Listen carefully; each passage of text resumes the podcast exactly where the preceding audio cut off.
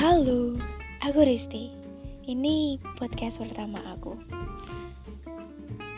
Ada banyak hal yang ingin aku bagikan tentang perjalanan hidup, pengalaman seru, bercerita tentang hari esok sangat menarik.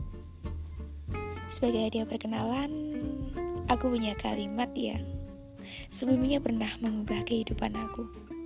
Kalimatnya kayak gini.